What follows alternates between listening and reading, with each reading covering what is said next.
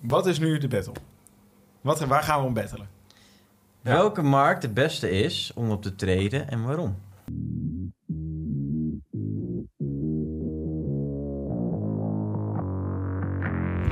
Welkom bij de FX Minds Trading Podcast. De afgelopen jaren hebben wij als individuele traders onze dromen waar kunnen maken. En sinds 2018 proberen wij onze passie voor traden te delen met iedereen die een betere financiële toekomst zou willen bereiken. Tijdens deze podcast is het ons doel om jou zoveel mogelijk te inspireren, te motiveren en te ondersteunen in het behalen van jouw persoonlijke doelen met traden.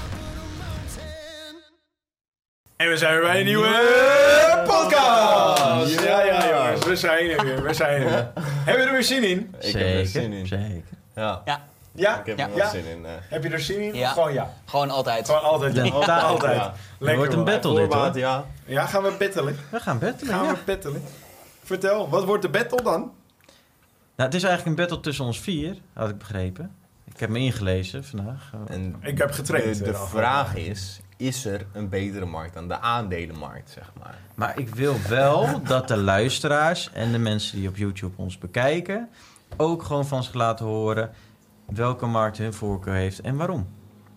Alright. Dus, eventjes. Wat is nu de battle? Wat, waar gaan we om battelen? Ja. Welke markt de beste is om op te treden en waarom? Dat is ook wat ik nu net zojuist Nee, zeg. nou, top, Nou. top, top, top, duidelijk. Wie wil hem, wie wil hem aftrappen? Ik, eh, ik durf hem wel weer af te trappen. Komt-ie deze, bij deze heb ik een goed Dit is een thuiswedstrijd voor jou. Dit is een thuiswedstrijd, Oh, echt waar. Zo voelt het wel. Ja, de aandelenmarkt, 100%. 100%. Uh, voor mijn beleving 100% de aandelenmarkt. Omdat waar ehm, de forexmarkt geen eh, doel heeft behalve dan dat zeg maar eh, wisselkoersen invloed hebben op lijkrentes en al dat institutionele gebeuren en zo zeg maar en internationale handel, heeft de aandelenmarkt een duidelijke doelstelling vanwege alle deelnemers ervan en de rol die het heeft. Mhm. Dus van een aandelen wordt verwacht dat er mooie trends komen. Er wordt verwacht dat er Emotionele mooie... verbindenis. Ja, dit is echt, dit ligt diep in mijn hart, maar, ja. hè, voor, voor, voor onze kijkers zeg maar, die nu echt net beginnen. Echt, oké, het is hun allereerste podcast. Nou niet... leg even, te- leg eventjes Ja. de basis uit van hey, Oké, die ja. aandelenmarkt. Wat is dat nou precies? Hoe, werkt dat nou? de aandelenmarkt. eh, wat het inhoudt is, eh, je hebt bedrijven. Lekker hè, die ambulance, En, hè? Lekker hè? Oh, zulke een rempje op zitten, zegt hij. Dat valt mij wel prima. Ja, goed. Maar, eh, Oké, de aandelenmarkt. Wat het inhoudt is, je hebt bedrijven. Nou, bedrijven hebben een belangrijke rol in de maatschappij en in de economie. En bedrijven hebben eigenaren. En hoe wordt er bepaald wie de eigenaar van een bedrijf is? Door middel van aandelen. Dus nou, dan kan het zijn dat er, zeg maar, ehm, dat je een besloten bedrijf hebt. Dus dan zijn alle aandelen, zeg maar, bezit van een select groepje mensen. Maar je hebt ook publiekelijk openbare aandelen. Die, zeg maar, op de beurs geplaatst worden. En dan kunnen ook eh, burgers kunnen deelnemen aan eigendom in dat bedrijf. En op basis van eh, zeg maar de, de cijfers van het bedrijf en de, de voorspelling van de cijfers van de toekomst, zeg maar. Dus er wordt gekeken van nou, hoeveel eh vrij cashflow wordt vaak naar gekeken is er op dit moment. En dan zeggen ze nou zoveel keer vrij cashflow, afhankelijk van welke markt het is, welke sector van bedrijven, zeg maar. Mhm. Zeggen ze oké, dat is de bedrijfwaarde. Het doelstel, de doelstelling van een bedrijf is om winst te maken voor de aandeelhouders. Want niemand gaat een bedrijf beginnen om geen winst te maken, want dan zou je een non-profit beginnen. Zeg maar. Stichting. Dan zou je een stichting beginnen. Ja. Dus er is, een heel, er is een hele duidelijke doelstelling voor een bedrijf. Ja? En die hele duidelijke doelstelling heeft een direct verband met de aandeelkoers. Ja. Dus er is ook een hele duidelijke doelstelling voor die aandelenkoers. Waarom zeg ik dus, en ik ben er heilig van overtuigd dat de aandelenmarkt de beste markt is om te traden, is omdat het, wat je bij de aandelenmarkt alleen maar hoeft te doen, is te kijken, oké, wanneer is een koers, kan je zien aan de koers dat die voldoet aan de doelstelling, of wanneer zie je dat ze aan het prutsen zijn. Dus je, moet, je hoeft alleen nog maar, zeg maar chaos van niet-chaos te onderscheiden. En dan zit je eigenlijk vanaf dat punt, zolang als je maar koopt, zit je al vaak goed, zeg maar. Dan kan je dat nog verbeteren met goede technieken. En wat het is met ehm, andere markten, is die hebben niet zo'nzelfde directe doelstelling. Dus wisselkoersen bijvoorbeeld. Ja, maar blijf even in je eigen steegje. Want jij, Ja. jij zit er voor aandelen. Ik Oké, moet zo... Ja, ja, maar in vergelijking, hè? In vergelijking. Ja, wacht, dus, wacht eh, met zeg maar- steken. Oké, nee, nee. Maar goed, in vergelijking met Steken hetzelfde geldt voor commodities, zeg Ja, maar. ja. Ze hebben wel, eh, ge- geldt voor alle financiële producten trouwens, ze hebben wel een belangrijke rol in de economie. Maar ze hebben niet zo'n duidelijke doelstelling als dat de waarde per se meer moet worden. Zeg maar, toch? En Hmm. snap je? Want een wisselkoers kan ook heel goed zijn op het moment dat de waarde meer, minder wordt, zeg maar. Dus dan heb je geen directe doelstelling van of het meer of minder wordt. Alleen dan zijn er specifieke situaties met specifieke belangen in plaats van één duidelijk belang wat altijd geldt. Snap je wat ik bedoel? Oké. Dus daar kan je En- nog veel beter op inspelen. En ook op door gedaan. Ja. Ja, maar eh, moet ik dan nu even eh, zeggen wat ik ervan vind? Of moet ik even Ja. Forex uitleggen? Nee, ik zou voor. Ik Doe eerst, ja, Ja, oké, ik- doe eerst maar We even. gaan eerst even uit. Eerst geen... Eerst eh, uitlegronde. Eerst eh, beste vriendjes. Straks komt... eh, Ja. Oké, straks dus komt het gevecht. nou, vooral... Ja, ik zelf zit vooral in de Forex-markt. Ik ga nog niet zeggen waarom. Ik ga eerst even uitleggen wat de Forex-markt überhaupt is. De Forex-markt is eigenlijk de wisseling eh, tussen valuta's. Dus eigenlijk mo- moet je het heel logisch zien. Ik ga vandaag met 1 euro op pad naar Amerika. Nou, was maar waar dat dat komt. Maar stel je voor, ik ga erheen, ik kom Niet daar aan. heel ver, nee. Nee, kom je niet heel ver met een roeibootje, kom je er ook niet. Maar ik ben in Amerika nu. En ik moet die euro moet ik omwisselen naar dollars. Want anders kan ik daar niet betalen, want ze betalen daar in dollars. Nou, ik wissel er- dat om. Nou, er zit een bepaalde wisselkoers op. Dus dat, eh, ik weet niet wat de huidige prijs nu momenteel is. Maar Het zit meestal rond de 1 ergens. Of zo. ja, het is nu inmiddels eh, bijna om het even. Nou, je wisselt dat om en je kan met je euro kan je iets kopen. Zou niet veel Met je zijn. dollar. Ja, sorry, met je dollar. Heel scherp, heel scherp. Oh. Dus, eh, maar dan kan je wat kopen. Nou goed, je gaat weer, maar eigenlijk, je, je houdt die ene dollar, je gaat weer terug naar Nederland en stel je voor dat er economisch in de wereld wat is veranderd. Er is een toespraak van Biden of er is een... eh, Oorlog in Oekraïne. je weet het niet, er is wat met Ineens de is euro die gebeurd. geen reet meer waard. Ja, en je krijgt opeens voor die ene dollar, krijg je misschien eh, 30 cent terug. Zou kunnen. 30 eurocent. ja. 30 eurocent, Ja, dan ja. heb je verlies gedraaid. Je kan beter 1 euro 30 terugkrijgen, zeg maar. Wat ik bedoel? Ja, maar de, Ja. de koers verandert dus. Dat is wat ik probeer uit te leggen. Van Ja, ja, ja. je, het, kijk, wij treden zeg maar op het eh, verkopen en kopen van die currencies tegen elkaar op. Dus het is altijd de euro tegen de dollar, de euro tegen de Japanse yen, de euro tegen de Australische dollar. Dus zo heb je wereldwijd heeft, eh, hebben we gewoon meerdere currencies waar we mee kunnen handelen. En die staan tegenover elkaar.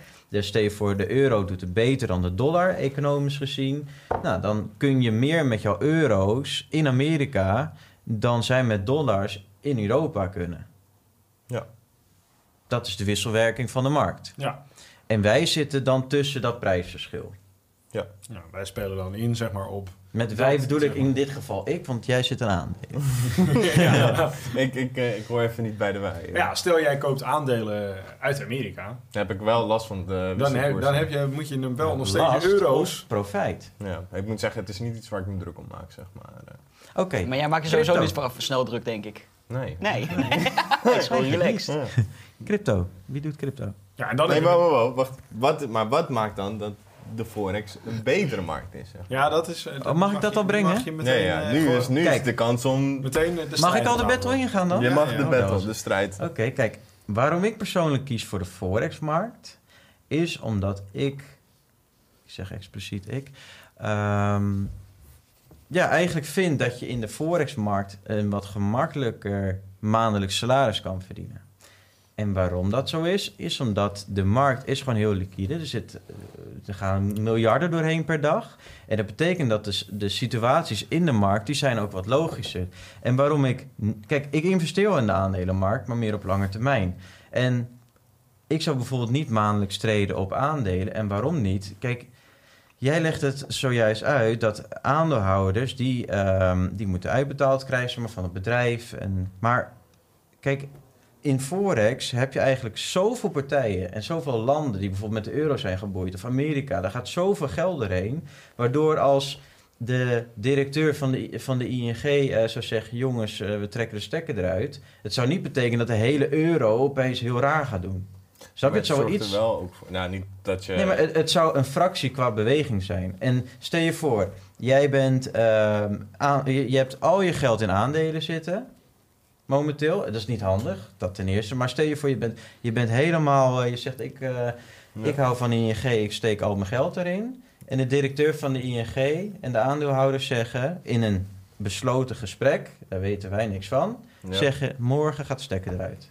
Jij hebt geen idee, want het, je kan analyseren wat je wil. Ja, Maar als zij in dat kamertje daarboven beslissen van... hé, hey, wij trekken morgen de stekker eruit... dan loop je achter de feiten aan, want je wordt de volgende dag wakker... en je ziet opeens, hé, hey, ING, failliet.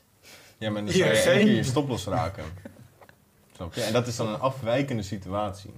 Dus Ja. waar, dat, tuurlijk, er Maar zijn eh, da- daarom zou ik niet direct zeg maar, als daily basis zeg maar, voor aandelen kiezen. Omdat eh, het, het is maar wat een directeur beslist op dat moment met de aandeelhouders. Van hé, hey, we gaan naar links of we gaan naar rechts. En als een bedrijf valt, valt die. En bij de currencies is het, de euro is hartstikke sterk. Omdat het zo, er zitten zoveel landen bij betrokken. Ja. het- maar ik vind een wel, als ik een top 3 mag geven, zeg maar hoe ik het zou opdelen. In dit geval zou ik zeggen, top 1, of eh, nummertje 1 is Forex, waar ik het meest in vertrouw. Mhm. Dan toch aandelen. Ja, Dus ik kom een beetje bij je. zit je En daarna goed. crypto. Ja, Oké. Dat, dat, dat, dat zou hem zijn. duidelijk. duidelijk. Zal ik dan maar eventjes uitleggen wat crypto eh, precies nou, ik, inhoudt? ik zou het al willen weten, ja. Nou goed, je hebt dus inderdaad... eh, Dat is eigenlijk een beetje een, een, Ja, is ontstaan eigenlijk na zeg maar de meest... Ja, een van de meest recente financiële crisissen in de wereld. 2007, 2008, 2009. Ja. Toen was op een gegeven moment... Waren men, dachten mensen van... Nou, ik heb geen vertrouwen meer in dat hele financiële systeem. Het zijn allemaal oplichters. Het is allemaal een scam. Het is allemaal... Geld is waard wat de gek ervoor geeft, zeg maar. Dat was een beetje de gedachtegang toen, toen er volledige paniek ontstond. En uit zeg maar, die paniek is eigenlijk iemand die heeft gezegd van... we gaan eventjes iets compleet anders doen. Gewoon een nieuw financieel betaalsysteem... wat niet door centrale banken en bankiers en, en, en hoge pifies met eh, eh, dure pakken zeg maar, gerund wordt... maar wat gewoon door iedereen, wat, wat van iedereen is. Wat door, eh, ja, door, door het volk, zeg maar, ehm, ja, bestuurd wordt, om het zo maar even te zeggen. En daar is, zeg maar, uiteindelijk bitcoin uit ontstaan. En dat is de allereerste eigenlijk cryptovaluta. Dus eigenlijk is het, zeg maar, net als Forex een valuta. Alleen het verschil is dat die dus niet door een centrale overheid of door een centrale instantie ehm, ja, beheerd of gereguleerd wordt. En daarnaast is het zo dat ehm, ja, het zijn geen tastbare eh, briefjes of muntjes of wat dan ook. Het is echt gewoon puur ehm, gebaseerd op crypto, cryptografische technologie, zeg maar. Het is Ja, eh, gebaseerd Een op een blockchain. blockchain. Ehm, en ja, eigenlijk op die blockchain staat gewoon beschreven van... oké, ehm, dit zijn eigenlijk alle personen of alle adressen zeg maar, die gekoppeld zijn aan de blockchain. En deze heeft zoveel geld, deze heeft zoveel geld, deze heeft zoveel en deze heeft bijvoorbeeld niks. En openbaar. Zeg maar, eh, als het ware van je kan elke transactie volgen. Ja, En dat kunnen wij bijvoorbeeld van, van elkaar, wij met z'n vieren kunnen dat niet doen als... eh, zeg maar, wij kunnen Nee. niet op elkaars rekening kijken in dit geval. nee, we, we hebben met een soort blockchain kan het wel. bestand waar ik kan zien van... oh, Daan die heeft gisteren bij, eh, bij de Wii heeft hij eh, wat nieuws gekocht. En, en bij de Armani heeft hij een nieuw, nieuw pak Nou, gekocht. maar is mijn bij, ding, nee. Nee? Ja, maar dat kan ik niet zien. Dus dat Ja, weet dat ik het ook waar. niet. Ja, wie weet Misschien dat dat ook wel is wat je wil, maar Ja, dat ik het niet weet. nou, Maar goed. misschien wel. Ja. Maar goed, dat is dus inderdaad een beetje wat crypto, eh, crypto is. Ehm, daarnaast ben ik zelf, moet ik ook toegeven, ehm, niet mega voorstander van het handelen in cryptovaluta. Al dan niet denk ik wel dat je, als je daar zeg maar een goede strategie hebt en ja, eigenlijk een beetje laks bent aan risico, om het zo maar eventjes te zeggen. Oftewel, eh, gewoon de risicoaversie is gewoon heel klein, Ja. om het zo maar eventjes te zeggen. Dan kun je daar wel heel veel geld mee verdienen. Want die markt die kan soms op en neer gaan als een, eh, als een gek. Nou is dat de laatste jaar of misschien wat minder geweest. Maar de afgelopen jaren kon dat natuurlijk echt als een raket of omhoog gaan Ja. of als een baksteen uit de lucht vallen. Dat is Ja. natuurlijk wel zo. Waar je risicolaks bent en je veel geld kan verdienen, kan je, Kun je ook, heel heel veel veel geld geld verliezen, zeg maar. Ja, Ja, dat is wel Disclaimer. Ja. Nee, ja, Dat is al wat er heel veel is gebeurd. hè. Ik hoor heel veel mensen... Toen Bitcoin een beetje begon, toen dacht iedereen... Ah, het zal maar wel. En vervolgens, ik denk 2016, 17, 18 kwam het een beetje aan de man. Toen zat opeens elke buurman en elke buurvrouw... en iedereen zat er opeens in. En nu hoor je bijna niemand erover. Van ja, nee, eh, ja, precies. ik heb toch wel geld verloren. Ik zeg, ja. ja, ja. Kijk, dat is de reden. Kijk, geld is gewoon toch wat tastbaarder.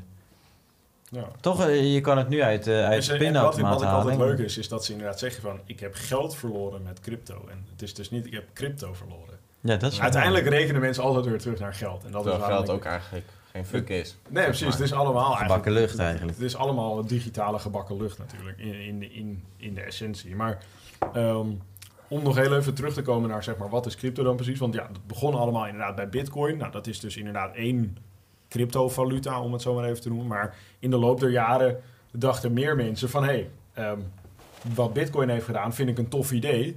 Maar wij kunnen dat beter, of wij kunnen dat op een andere manier, of we kunnen daar zeg maar een andere toepassing op bedenken. En zo zijn er ja, veel meer projecten en bedrijven ontstaan, zeg maar, die uiteindelijk allemaal een cryptomunt gelanceerd hebben. En op basis daarvan ook weer een bepaalde use case daaraan gehangen hebben. Zo heb je natuurlijk tegenwoordig Ethereum, je hebt Ripple, je hebt Cardano, je hebt, ja, noem ze allemaal, noem ze alle tien, tienduizenden maar op. Ehm, Iets met een rocket ook of zo. eh. Cum Rocket. Cum Rocket. Ja, ja, ja die dat kan was ik wel goed goede herinneren. oude ja. tijd en eh, je- de Safe Moon en eh, noem het allemaal op. al, Oh, al die Dogecoin. Dogecoin bestaat allemaal nog steeds, maar het is allemaal ja, een beetje rommel, om het zo maar eventjes te zeggen. Maar Ja, wat, geld wat, mee wat nu dus het ding is, is als je inderdaad gaat, zeg maar traden in crypto, dan ga je vaak of ehm, de ene munt tegen de andere, munt, eh, andere cryptomunt handelen, of je gaat een cryptomunt tegenover een valuta handelen. En dat is vaak de dollar. Ja.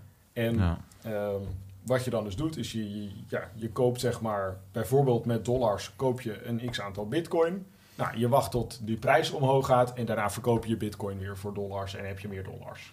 Ja. En als jij met ehm, jouw eh, Ethereum eh, bitcoin koopt en je gaat ervan uit dat bitcoin omhoog gaat ten opzichte van Ethereum, dan verkoop je daarna na een tijdje je bitcoin weer voor Ethereum en heb je meer Ethereum.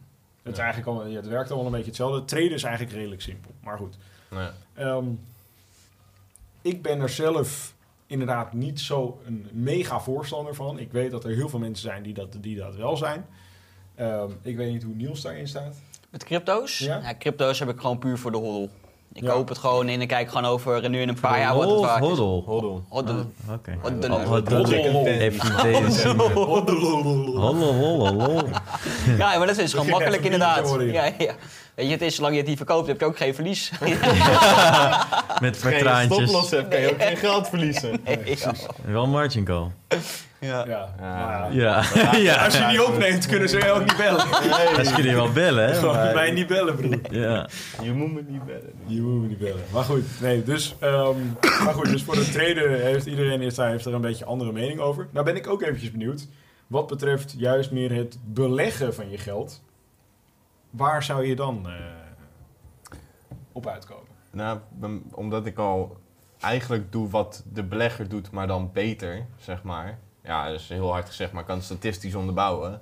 Ehm, heeft het geen zin voor mij om te beleggen. Zeg maar, ik snap dat als mensen op een lage timeframe aan het traden zijn en ze doen dat ja, op die manier, zeg maar, dat het dan interessant is om aandelen naast te kopen. Maar voor mij is het niet logisch om aandelen te kopen, terwijl ik juist ze trade omdat traden beter werkt dan kopen, zeg Mhm. maar, toch? Dus dan, Dat is ook inderdaad een theorie. ja, dus Tenminste, voor dat, mij- is een, dat is een wijs om dat te doen. Dat- Ja. Ja, dus voor mij heeft het geen zin, zeg maar. eh. Alright. Ik eh, vooral vastgoed. Vastgoed. Dus Ja. weer even een andere markt. Leg, uit, markt, wat is maar- dat? Nou, het is gewoon een andere markt en het is altijd verstandig om je geld te verdelen. Dus daarom zou ik zeggen vastgoed, eh, waar ik ook de rest van mijn geld nog in steek. Alright. En dat, maar dat kun je op verschillende manieren doen natuurlijk. Je kunt Ja. pandjes kopen en dan gewoon op basis van waardestijging kun je, kun je geld verdienen. Nee, dat doe ik niet. Wat ik wel doe is eh, vooral eigenlijk gewoon op eh, jaarbasis krijg je een x procent terug. Bijvoorbeeld in Thailand, waar ik eh, ben geweest de afgelopen weken, daar hebben ze heel veel van die ja, mooie deals eigenlijk. Dat je gewoon kunt investeren en dan vervolgens... projecten, zeg maar. ja, in projecten en dan ja, is gewoon nieuwbouw. En dan krijg je daar een x-percentage voor terug. En dat is eigenlijk tien keer beter dan in Nederland. Dus daar zit ik vooral in nu. Thais vastgoed.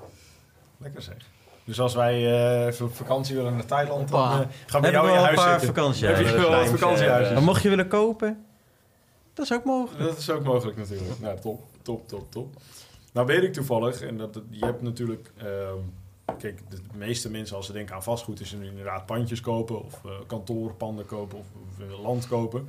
Alleen tegenwoordig heb je ook, en dat is best wel al een aantal jaar zo... heb je tegenwoordig ook, eh, net als wat je met aandelen... heb je natuurlijk indexfondsen en ETF's. Ja, Heb je dat met vastgoed tegenwoordig ook?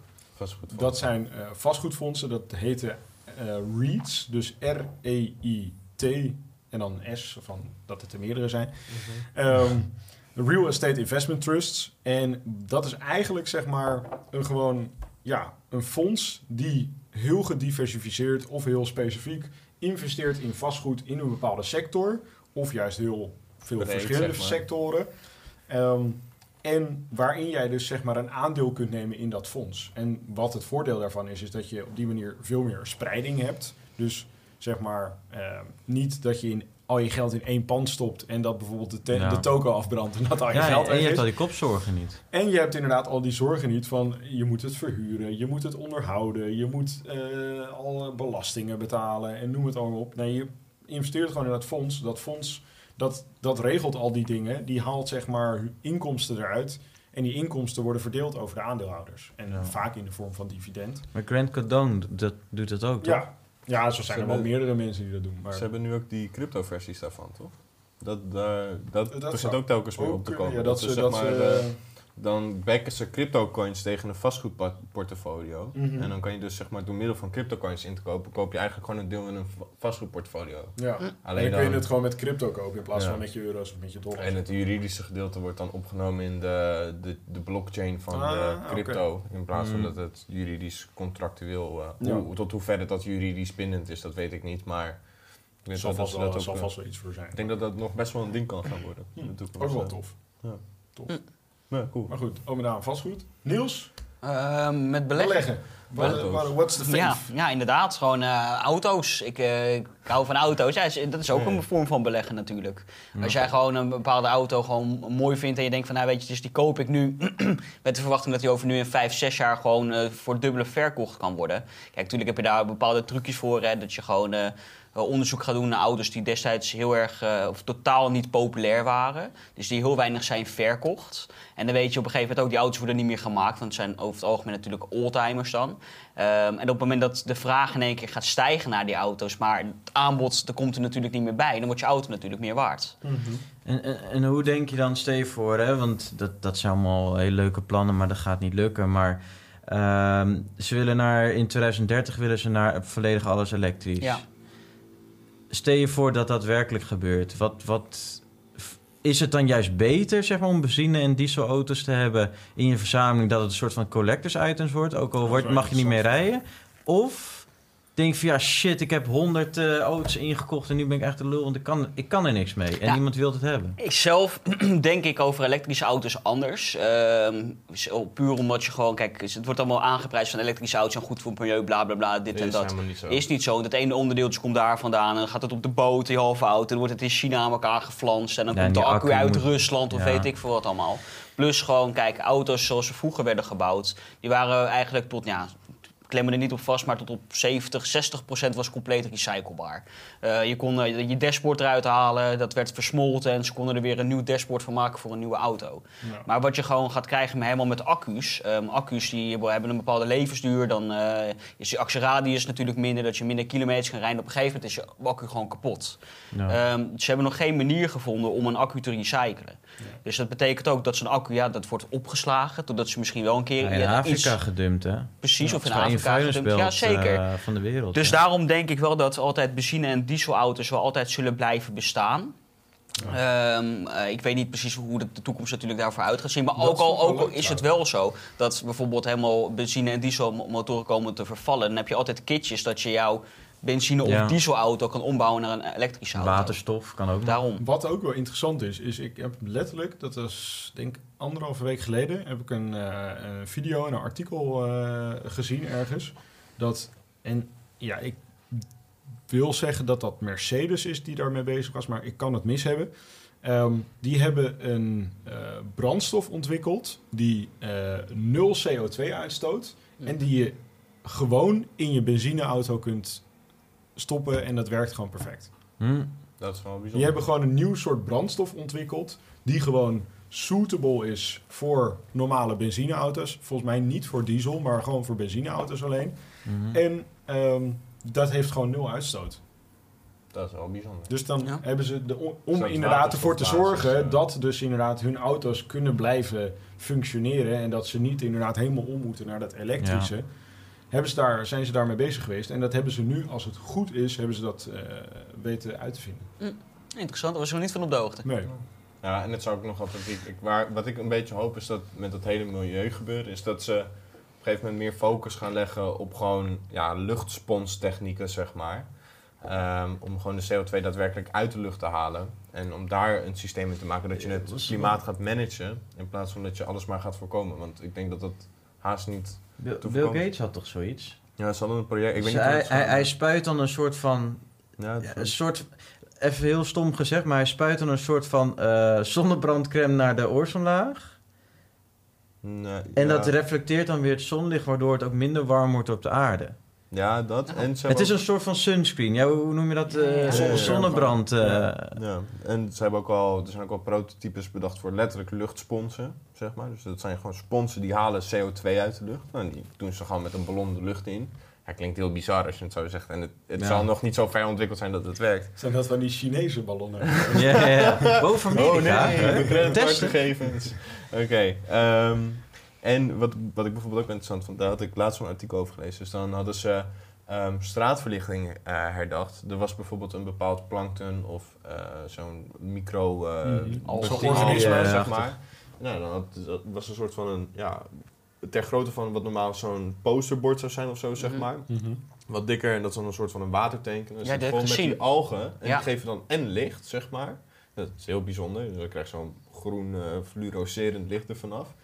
En die eh, eten of gebruiken op een of andere manier de CO2, zeg maar. Ja. En die zetten dat dus Mm. om. En dan zitten er dus luchtfilters. Kijk, en één zo'n ding gaat natuurlijk niet de hele planeet eh, fixen. Maar ik denk wel dat, ik hoop wel dat dat op een gegeven moment de, het uitgangspunt wordt. Dat we zeggen, oh, we gaan met z'n allemaal niks meer doen en we gaan met z'n allemaal krekels eten. Dat we zeggen, oké, laten we gewoon een stapje gas bijgeven. Haha.